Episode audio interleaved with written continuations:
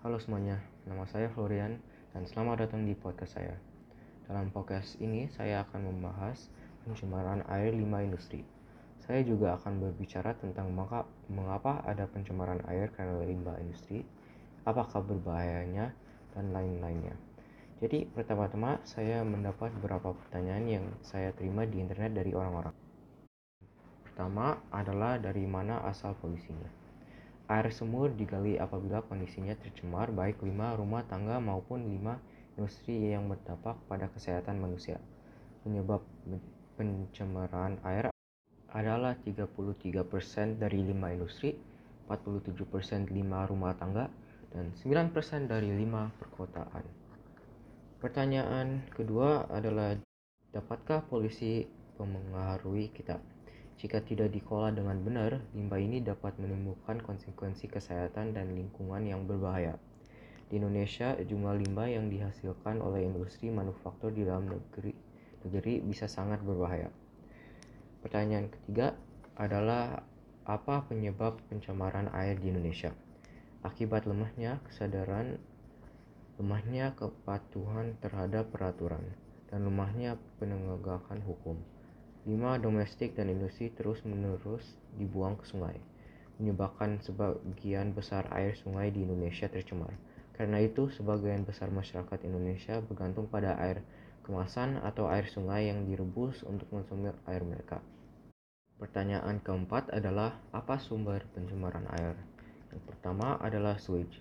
Sewage adalah sebutan lain untuk air limbah dari proses domestik dan industri. Kedua adalah pencemaran pertanian. Industri pertanian mencakup 76% dari luas daratan Inggris dan Wales. Yang ketiga adalah polusi minyak. Yang, keempat adalah zat radioaktif. Yang kelima adalah river dumping. Dan yang terakhir adalah marine dumping. Itulah beberapa pertanyaan yang saya terima dari orang-orang.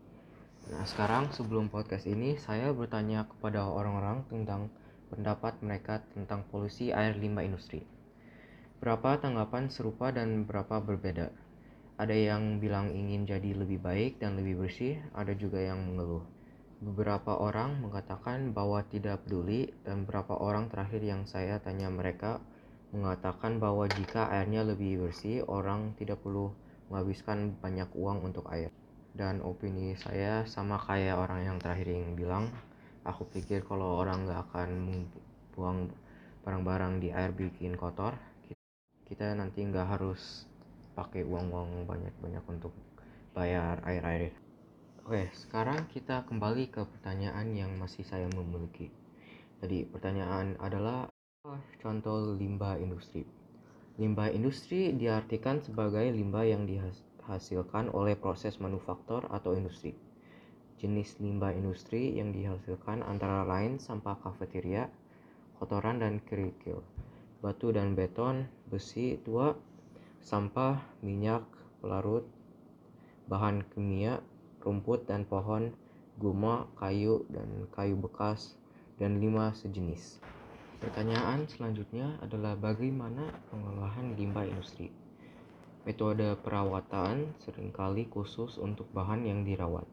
Metodenya meliputi pemrosesan, oksidasi lanjutan, distilasi, adsorb, adsorpsi, ozonasi, vitrifikasi, insinerasi, imobilasi, kimiawi, atau pembuangan TPE. Dan itu semua informasi yang tentang Melki tentang polusi air limbah industri yang aku ketemu. Terima kasih sudah mendengarkan dan sampai jumpa di podcast berikutnya.